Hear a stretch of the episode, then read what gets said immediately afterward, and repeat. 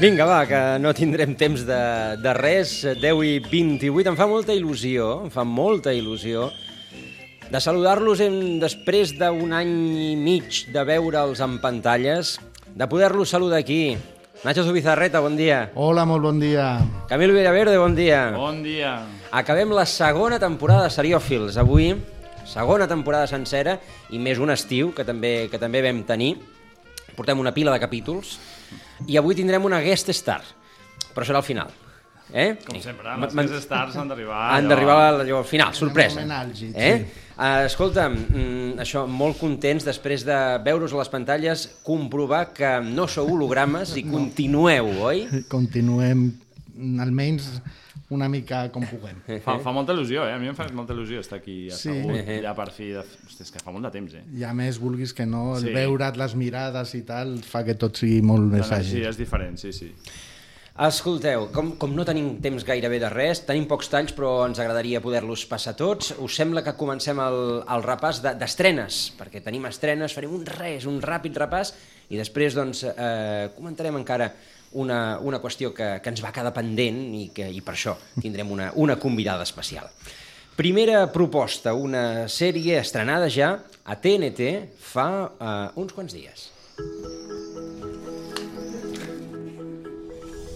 ¿Y tú quién eres? Me llamo Roberto. Roberto Enrique Figueras. Nosotras. Bueno, él, yo. Bueno, tú. ¿Roberto? Él. Sí, yo. Yo estaba ahí hace años, soportando las miraditas de las señoras y a los chungos que me llamaban maricón. ¿Qué me has llamado? Mentiroso, maricón y gordo. Pídele perdón. Dicen que si eres diferente vas a acabar mal. Llegará, ya te harás grande y te darás cuenta de que nadie en la vida te va a querer como tu madre. ¿Y no te da miedo? és Maricón Perdido, que està estrenada a, a TNT i que, com, com heu posat en el guió, és molt necessària pels temps que corren. Sí, realment, malauradament, no? després de tots els fets que estem visquent Vivint els, aquests dies, els, sí. darrers, els darrers dies i els darrers mesos, i amb aquest discurs no? eh, d'odi que va calant no? en determinats sectors eh, i, homo, i aquest discurs homofòbic, doncs hi ha Maricón Perdido, que és la sèrie de Bob Bob, que és aquest col·laborador de... Bueno, és escriptor, col·laborador a molts, a molts leits, amb Buenafuente, per exemple, i és una mica la història de la seva vida, però eh, ficcionada. No? Sí. Eh, ha fet una, una barreja entre el seu passat i el que ell ha imaginat sobre el seu passat, i és una sèrie realment mm, molt interessant, no només pel que explica, sinó com ho explica, no? aquesta manera barrejar reali- realitat i ficció, que crec que és, que és, és per mi és una de les sèries espanyoles eh, de l'any. Sí, de fet, bueno, ja està considerada una de les millors, després farem un petit repàs d'aquest primer mig any, de les millors sèries que s'han estrenat fins al moment. Eh, és una sèrie que a més ha tingut molt ressò mediàtic perquè bueno, eh, el Bob Bob ha, estat a totes les cadenes i ràdios havides i por haver i la Candela Penya que fa de la seva mare també i a més a més bueno, doncs explica això una mica la seva història eh, una part suposo bastant verídica i després alguna eh, punt més, més, més ficcionat i bueno, doncs, ho fa des d'un punt de vista molt tendre no? i el, i el missatge és molt positiu com a pesar de que hagis tingut una, una infància una mica complicada i dura, doncs pots sortir endavant i ser una persona de bé, Té, com es eh, diu. vist el tràiler, té un punt tendre, eh? tot, Sí, eh, sí, tot sí, plegat tota- està fet tota amb, amb és carinyo, podríem dir. d'estil Amb molt de amb- carinyo, visualment i, i a, la, a nivell de les interpretacions, i el Carlos Bardem, la Candela Penya, com ha dit el Nacho, el Miguel Reyán, l'Alba Flores, dos personatges que interpreten diversa, en diversos moments de la vida del Bob Bob, i també ja al final apareix sí. el Bob Bob amb el- amb el- l'Almodóvar, Almodóvar. o sigui, ells mateixos, diguéssim, dintre de la seva pròpia ficció, mm, parlant sobre, sobre certs temes. Una barreja bastant interessant. Doncs eh, recomanació estrena eh, a TNT eh, Maricón Perdido. Segona, una bé... Mm, Una vella coneguda. Sí, bellíssima coneguda que arriba a la cinquena temporada. Here we are again. How is your bird problem? Intermittent. You might not want to watch this. Oh my God. Anyway, What can I do for you, sir? I'm creating a courtroom. Think of it like little rascals. I want to build a better treehouse. one, two, three. Call your witness, bro. I don't understand anything anymore. The Good Wife arriba a la cinquena temporada a Movistar. Sentia aquesta veu en anglès i és l'associo a. Saul Goodman, al, ai, ai, a Saul Goodman, no, a Saul de, de Homeland, el personatge Ahà. que interpreta Mandy Patinkin, que és com l'estrella Convidada convidada d'aquesta temporada. temporada. Sempre ho fan, no? Això de The Good Fight. Que... The Good Fight cada temporada porta una estrella convidada que té molt de pes a la trama, doncs en aquest cas és Mandy Patinkin. The Good Fight, la quarta temporada, va acabar d'una manera, una Mm. manera una mica estranya perquè va arribar pandèmia. la Covid i no van poder gravar ni produir, mm, penso que els dos capítols finals i es va quedar així com una mica penjat tot. I amb aquesta cinquena temporada reprenen una mica els, els, eh, les històries que havien deixat penjades, les tanquen i bueno, doncs continuen eh, paral·lela a, a lo que és l'actualitat, que és el que caracteritza potser Això- aquesta sèrie de manera més interessant. Això ho feien també a la sèrie mare, no? a The Good Wife, i a, a més el que sempre m'atrapa i, i que a vegades em quedo com molt sorprès de dir, ostres, com han integrat de bé, i fins i tot a vegades avançant-se una mica el que, el, perquè clar, això ho produeixen mesos abans Sí. i, i a vegades la vas veient i dius, però això està passant ara. És, Això aquest, fa res, exacte, el, el, aquest retrat de la realitat que en fan és una cosa que em sorprèn sempre. Doncs aquesta és la segona de les, eh, de les propostes, The Good Wife, eh, cinquena temporada, també ja Good està... Fight, Fight. Wife és The la- Good Wife, no, The Good The Fight, Good sí, sí, Fight. és veritat que és la, que és la, Ah. la segona, per Sí, entendre'ns. Exacte. Uh, doncs això, la, la tercera, um, estrenadeta ahir mateix a Disney Plus o Plus? Plus, Trins, Plus, al final vam quedar que es deien Plus. plus. Ben dir que Plus. Nosaltres érem plus. Disney Plus, vinga.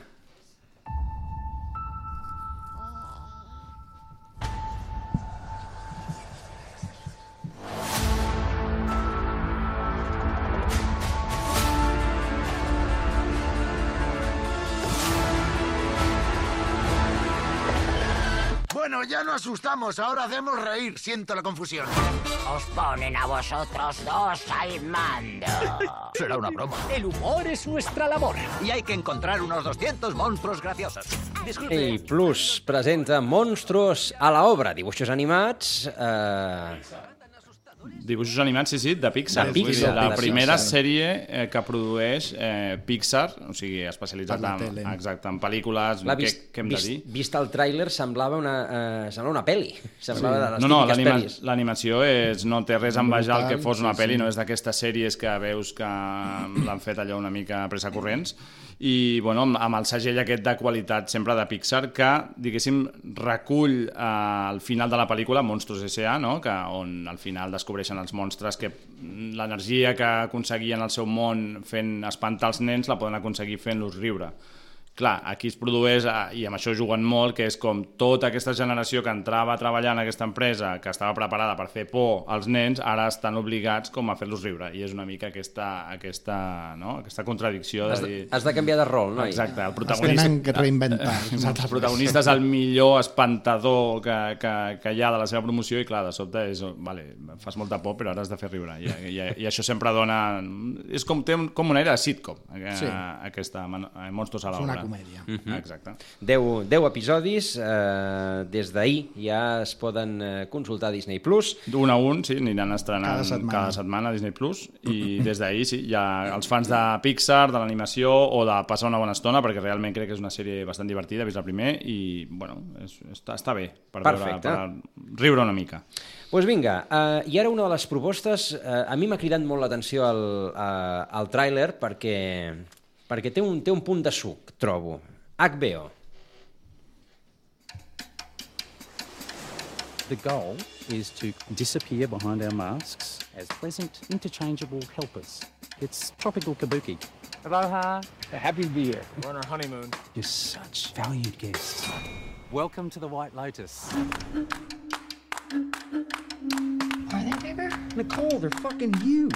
I haven't seen them in a while. It's cancer. Swole balls. Did they biopsy your balls, Dad? Not yet. Surprise! Mom! Am I interrupting? I know it's only your honeymoon. Oh my god, look at her face.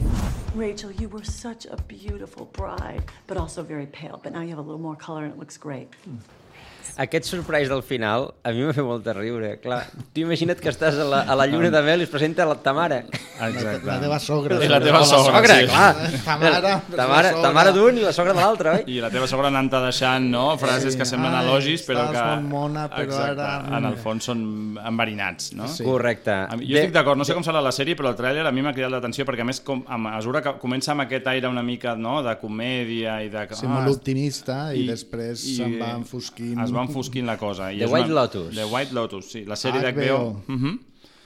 S'estrena el dia 12 de juliol i és això, doncs, eh, és un eh, resort paradisíac a, Ha- a Hawaii, amb, on arriba gent, sobretot eh, eh, parelles per gaudir romànticament i bueno, doncs mm, la cosa comença, sembla que comença bé i se's va desmadrant o se'n va eh, anant per un territori que potser no s'esperaven. Ah, M'ha fet gràcia això, són sis episodis, un per dia. Un per dia, exacte. Sí. Són sis dies en aquest resort. El, el responsable és el Max White, que és el responsable d'Il·luminada, la sèrie que fa 10 anys ja van, van estrenar a HBO amb la Laura Dern.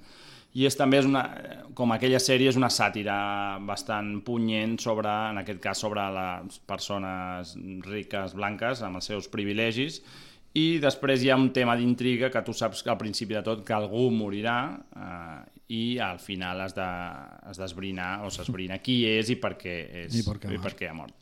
Doncs uh, The White Lotus, que, com dèiem, estarà disponible a partir del dia 12 a HBO.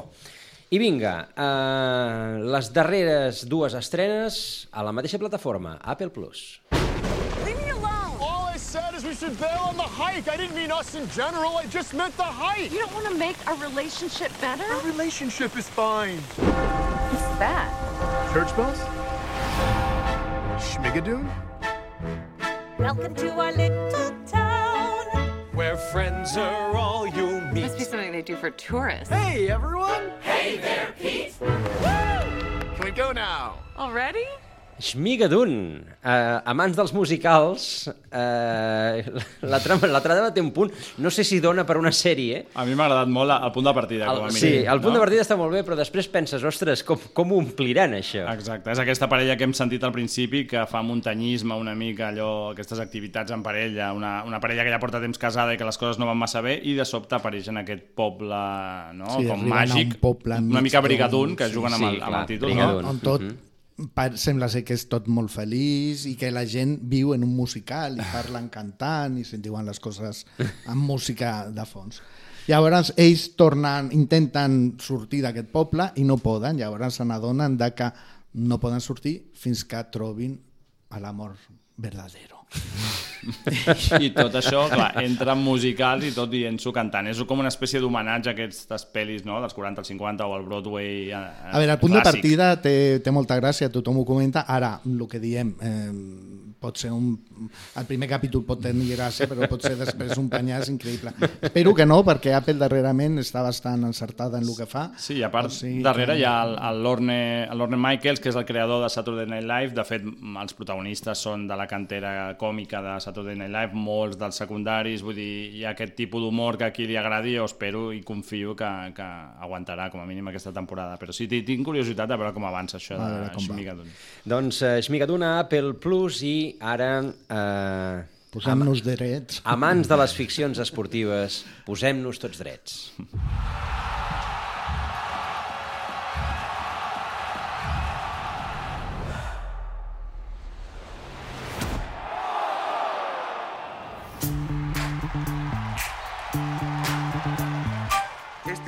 Semana lo tenéis todo de cara. ¿Acabará la vergonzosa estela de empates? Ni de crío me daba vergüenza la estela de mis calzoncillos. Es aprendizaje.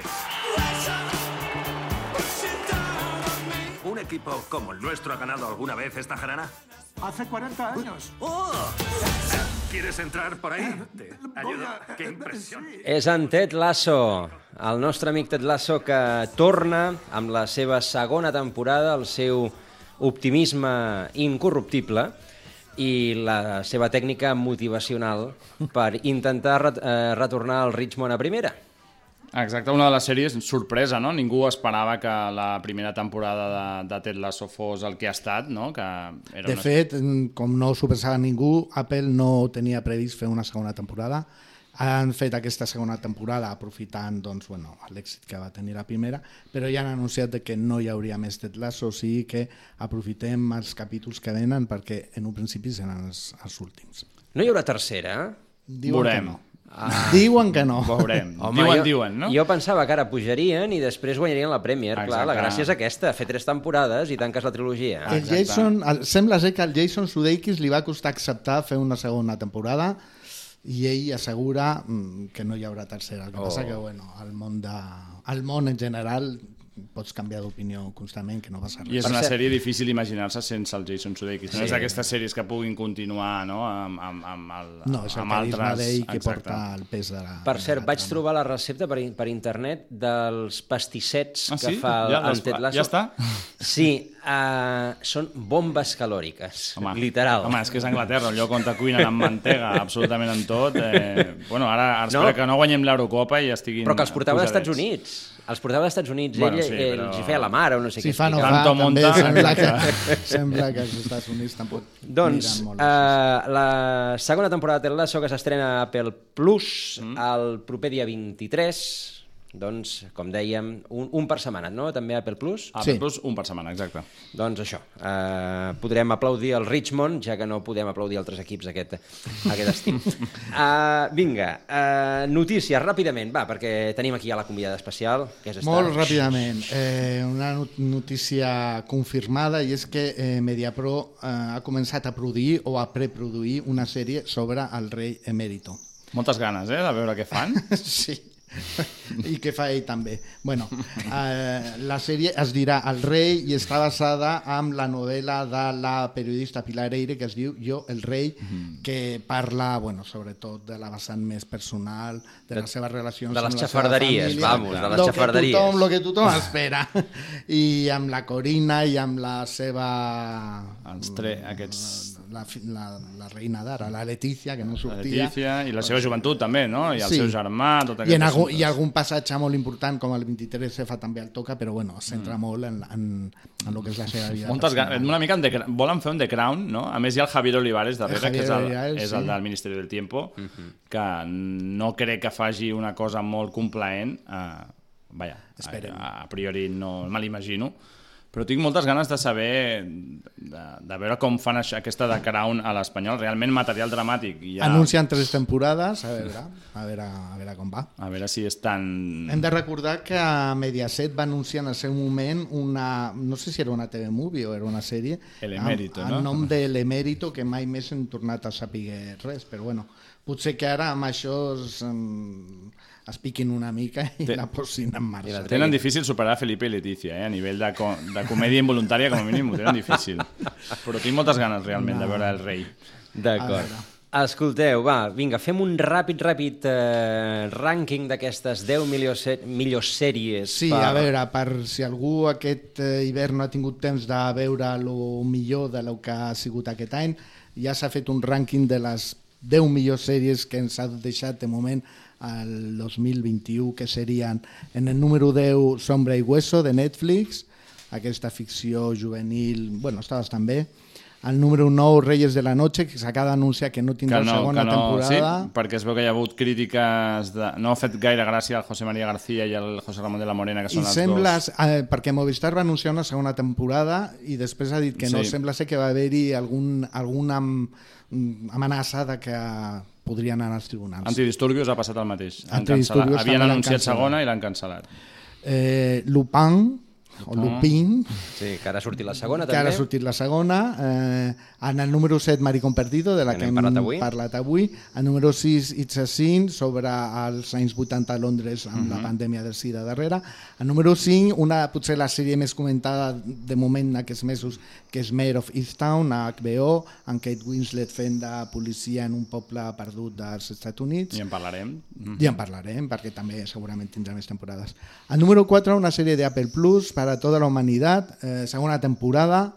Mm, ha passat sense pena ni glòria, com li passa sempre a Apple, però tothom Està molt bé, està molt diu bé. que està, que està bastant bé. El número 3, Bruja Escarlata i Vision, hem parlat molt d'aquesta sèrie de, de Disney Plus mm, molt ben feta i molt, molt interessant. A número 2, The Underground Railroad, una sèrie d'Amazon Prime que no de la que aquí no ens ha pogut gaires coses. És una sèrie que tracta sobre el racisme als Estats Units en l'època eh, de finals del segle XVIII-XIX i que és molt dura però que està molt ben feta i que segons la crítica és eh, immillorable. I la primera és Small Axe Que no, he, que no he vist. Jo tampoc he vist. Ja, és una sèrie de Movistar aquí mateix, eh? de la que tampoc s'ha sapigut res. És una sèrie del director aquest, eh, Steve McQueen.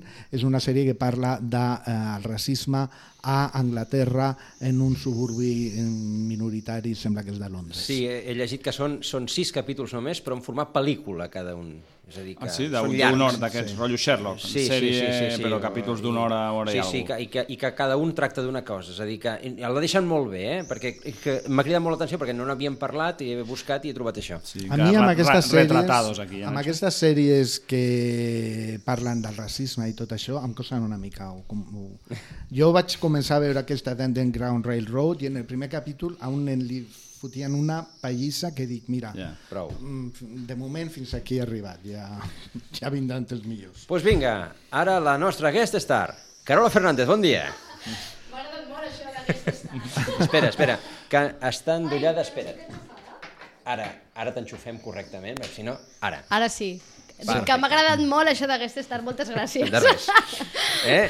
Um, Home, venim a parlar de feminisme. aquí, anem Home, a parlar de... L'única dona de la ràdio. Només Ja faltaria que parléssim de- nosaltres tres només de feminisme, No, no, no? haig de dir una cosa. A mi m'agrada que del femini... m'agrada molt que parlin de feminisme homes. Crec que és crucial, importantíssim. Eh? És a dir, que no, per mi no passaria absolutament res si jo no hi fos aquí, però agraeixo la invitació. I és que el compromís aquí, cada... Bé, podr- podrem parlar poc, eh, perquè tenim 11 minuts, o sigui que acabo ràpid. El compromís era bàsicament eh, doncs això, per parlar del paper de les dones a les sèries de ficció, un paper que, que ha vingut molt per un perfil, eh, tot i que després, si repassem, si repassem les sèries, probablement ja hem accedit eh, a aquest perfil, eh, un perfil molt de, de, de dona eh, que, que es preocupa pels seus fills i que busca Sí, l'amor. cuidadora. Ah, exacte. Cuida, cui, cuidadora. cuidadora o romàntica, sí. bàsicament en aquests dos perfils. Però després, clar, repasses la llista, la llista de les sèries i trobes que Fleabag o que, o que Hierro, eh, la Candela Mostren, Penya... mostren un altre tipus de dona Ah, per més això. empoderada, el que es diria Però, ara. però tota la, la controvèrsia ve a partir de, sobretot de Sky Rojo, Mhm.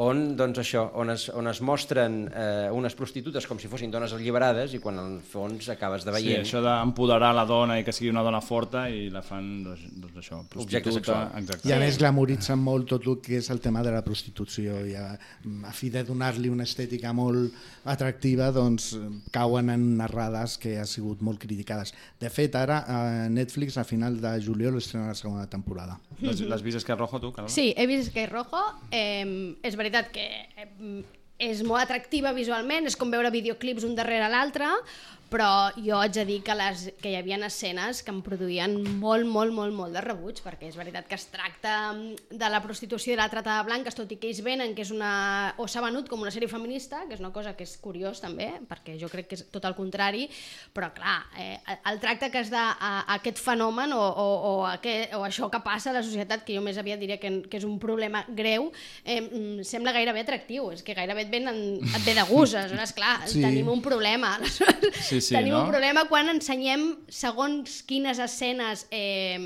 a més a més, eh, les, elles hiper, molt hipersexualitzades i les escenes on, on fiquen el focus sempre és Sempre en, sí. en la figura femenina, Mm. no en la femenina, tant en la violència com en l'aspecte sexual. Per tant, eh, jo crec que va generar polèmica amb molta, amb molta raó. Sí, perquè a més a més la venien com una sèrie em, em, d'empoderació de la dona, Exacte. no? quan era absolutament al contrari. Tot el contrari. I jo crec que hi ha el de sempre, que al final, vull dir, eh, qui fa la sèrie, no? La sèrie l'ha Sí. fet un Home. home. i els realitzadors són homes. Jo crec que la, el pas important ha de ser que les sèries les facin les dones, les criguin dones o les realitzin dones. Que la mirada sigui la d'una dona, perquè òbviament probablement serà molt diferent la mirada d'una dona, en aquest cas per tractar aquest tema, que la d'un home. És veritat que al final aquesta mirada patriarcal, no? que és el que ara es diu, és el, és el, el comú denominador de moltes d'aquestes sèries que fa que doncs, caiguem en clichés un rere l'altre, un rere l'altre, però aleshores de tant en tant apareix algú com Katie Winslet i eh, ens alegra la vida totes i diem, volem ser Kate Winslet, estimem a Kate Winslet perquè decideix que, com va dir amb, amb aquesta sèrie, que més que no l'he vist però que és estupenda, no? pel que eh, comenteu, doncs decideix, eh, tira enrere dos vegades el cartell per temes de que li han retocat la imatge i ella diu que no li dona la gana, que si la seva panxa mm, Mm. té Michelins, doncs té Michelins, no vol que li allisin, que si té arrugues, doncs que les vol ensenyar i, i aleshores davant d'això de que, que t'ensenyen aquesta realitat de som així les dones i som febles i som vulnerables i tenim errades i no som perfectes doncs caiem totes de genolls i diem sort sí. que tenim gent com Kate I, Winslet I sembla mentida que això hagi de ser la notícia, no? Que, Exacte. que, que hagi de tirar enrere uns pòsters perquè sortia totalment irreal, Sí, no? O sí, perquè la gent comenti una escena de sexe que té a la, a la, Mm. a la a més, sèrie. és i que com- anecdòtica, Sí, absolutament anecdòtica, i la gent es anecdòtica. dedica a comentar que si la panxeta que té o... perquè que li no volien té. Retocar, clar, al Exacte. final eh, exacte, la notícia és que eh, en aquella sèrie se li veu eh, un Michelin a la panxa, o sigui que la, no, se, no se li veu una panxa perfecta, diguéssim, amb filtres, i, i això es vol Però retocar la i ella ho nega. La Kate Winslet sempre ha sigut una Sí. Bueno, a en aquest tipus ja, de ja, llosa. ja, Sí. ja, ja, ja rebia crítiques pel seu físic Sí. i, i ella... Sí, però ella es va reunir fa un temps amb actrius angleses rellevants i va intentar posar en comú de que, mm, arribat el moment, elles no retocarien gaire per donar un missatge a les noies eh, que venien darrere doncs, que envellir era una qüestió normal. Sembla que ella ho segueix, però em sembla que estava la Rachel Waits també i la Rachel Waits i aquesta Ja no ho que no ho han seguit seguit tant. tant perquè en la seva darrera Clar. pel·lícula ja tenia els ulls una mica estranys Clar, és que quan et veus així tan meravellosa, amb un filtre, després mm, acceptar que no ets tu, de, Home, no deu has de tenir fàcil. molta seguretat en Sí. tu mateix perquè milions de persones et vegin amb la panxa i amb les... Sí, però quan acaben... Jo no sé si heu vist la reunió de Friends, Sí. i a mi és que... I ja no només per les dones, també Mhm. també el Ross, per exemple, Sí. tal, a mi em tirava com enrere, perquè era com... perden A mi la expressivitat Cox i no els em- reconec. estava molt no, estranya. Però clar, sí que entenc que és veritat que a més les dones en aquest sentit hi ha una, a partir d'una edat tenen pressió, hi ha problemes, molta pressió. problemes Mhm. per tenir certs papers que no li passa als homes, el tema d'ensenyar un Michelin a un home... Doncs Sí, o et podria haver- presenten aquestes figures de dones de Mhm. 40-50 anys que les mires i dius, a veure, no té 40 anys ni 50 ni de broma, és a dir, què, què estem ensenyant, no? Aleshores, clar, tot això eh, xoca. Jo crec que sí que s'intenta passar pàgina, però caiem molt encara en molts clitxers. La, Jo penso- La... Ai, uh, digues, No, digues, Nacho, acabar. no et vull. Jo penso que a vegades també es malentén el, tem, el, el terme aquest d'empoderament de la dona i ara el que es fa molt és crear heroïnes d'acció Mm. femenines Que peguin molt fort. que També. estiguin tot el dia estomacant-se en homes i tal, sí. com per demostrar que la dona les- les és força. les estàs- les estàs les estàs, masculinitzant. està, o sigui, no és que sigui empoderament, sinó que està fent un paper que Eh, no és, li toca. és que vull dir la dada perquè m'ha cridat molt l'atenció que ho heu posat en el guió. El 82% de les dones de les sèries a un estudi de l'any passat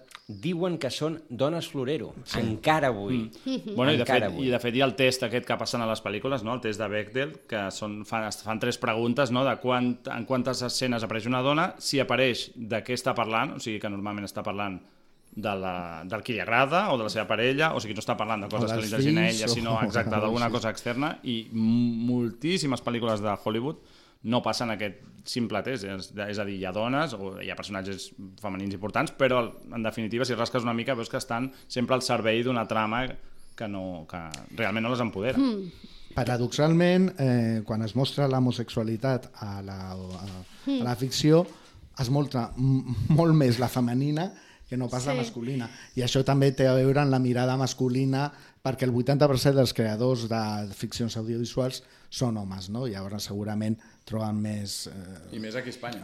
Sí, i, i de fet això hi ha una sèrie que es diu The Bold Type, que es diuen que és com la nova Sex en Nova York, que està, el perfil és com una mica més jove, diria jo. Mm, És una sèrie que també vol reivindicar molt el paper, la figura de la dona, són tres noies joves, estudiants, empoderades, que mm, diguem que mm, no dependents dels homes, tot que hi ha clichés eh, encara, amb una cap que, que les ajuda, que, que mira de, de que les dones pugin i, en el seu lloc de, eh, de feina, i justament això que parlaves, Nacho, de, del tema de eh, homosexualitat femenina, la relació que tenen i que viuen elles justament amb això, amb la homosexual i amb el sexe en general, també és com molt evolucionada respecte al que veiem, doncs, per exemple, a Sex on Nova York. Però tot i així, encara veiem molts clichés, perquè són tres noies que van vestides a la feina, Sí. escolta'm, que és que ni, ni que fos allò una gala diària, perquè és que la vida real... Diviníssimes, no, Exacte, no és així, amb uns... en fi, Encara hi ha clichés, però sí que és veritat que es nota d'alguna manera l'esforç no? Mm. que alguns intenten fer per eh, ensenyar doncs, altra visió de la dona. Jo crec que aquí a Espanya falta una Girls, per entendre'ns, no sé Sí, si heu vist Girls, sí. que és una Sí. Sèrie feta per una dona, escrita per una dona, protagonitzada per dones, però que a tu t'és igual. Si són dones, si són homes, és una sèrie que funciona, que és una meravella i, i, i, que, i que ho normalitza tot això, no? Doncs crec que aquí falta això, donar poder realment a, a qui ha de crear les sèries que no siguin els homes parlant de les dones, sinó les No dones hi ha parlant- dones realitzadores. No. Molt Ah, poques, sí. I, La i, crea, i creadores, i... I hem vist coses com, per exemple, La Casa de Papel, que és una sèrie que pot agradar més o menys. Hem vist escenes, sobretot diria que és l'última temporada, de la Úrsula Corberó, Sí. em, amb, amb, amb cuento, roba no? interior, que, que, no, que, o sigui, que no porta absolutament res a la sèrie. És clarament una escena col·locada allà per em, atraure, m'imagino que públic eh, masculí. Bueno, perquè- que és el creador de- d'Esquerra Rojo, mateix, i a guionistes, i quasi tots sí. homes. Exacte, no? I doncs coses d'aquestes que, que no et quadren, no? I que, bueno, en fi... Bueno, doncs ens, ens, ens serveix la, la reflexió, com a mínim, no hem tingut eh, ga, eh, gaire temps de més. Podríem haver fet també la reflexió a partir d'allò del Festival de, de Berlín i, Sí. de, i, de, i de la qüestió de, de, de fer això també. desaparèixer... Sí, de fer desaparèixer, no? Els, els... Sí, aquí de moment al Festival de Sitges no aposten per això, perquè els premis d'interpretació siguin únics, és a dir, sense gènere, de moment hi haurà femení i masculí, entre altres coses perquè aquí es considera que seria perjudicial fins i tot per sí, les dones. sí, clar, hi ha, hi ha el debat aquest, no? De que Sí. al final igual La acabes els discriminació positiva. Exacte. Nois, acaba la, la temporada. Um, no sabem si hi haurà nova temporada, però jo diria que sí. Sempre, i- se, sempre i quan esteu Sempre d'acord. vulguin. No sabem si és presencial. Això encara no Esperem. sabem, perquè Esperem cosa sí. està com està. Esperem que sigui presencial, esperem que us vingui de gust tornar, perquè a nosaltres ens vindria molt de gust que tornéssim, tant que sí. eh, passat l'estiu, a continuar repassant sèries, perquè, perquè és el que ens agrada i ens, eh, i ens ve molt bé. Carola, moltes gràcies. A vosaltres per convidar-me. Nacho, Camil, moltes gràcies i bon estiu. Gràcies Moltes a vosaltres. gràcies i bon estiu a tothom. Bon estiu. I a tots vostès, gràcies per l'atenció i fins demà.